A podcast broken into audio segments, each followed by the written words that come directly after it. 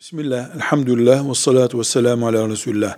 Ta eski ulemamızdan itibaren kadınların küpe takmak için kulaklarını delmesinin caiz olabileceği konusunda görüş vardır. Yani kadınların kulaklarını delmelerinde ve oraya süs malzemesi takmalarında bir sakınca yok.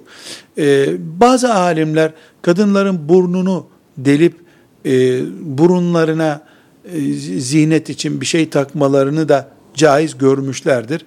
Ona benzeterek kadınların dudak altlarında filan e, taktıkları zihnetin de ve delerek taktıkları zihnetin de caiz olacağı belki söylenebilir ama burada çok önemli bir ayrıntı var.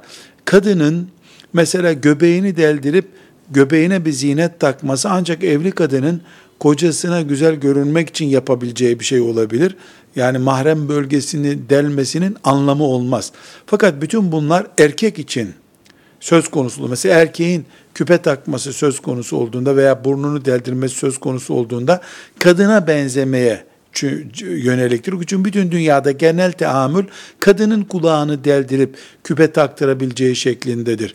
Erkeklerde nadirattandır. Bu erkek bunu yaptığında kadına benzemiş olur. Kadına benzemek ise Resulullah sallallahu aleyhi ve sellemin erkeğe yasakladığı şeylerdendir. Tıpkı erkeğe benzemeyi kadına yasakladığı gibi.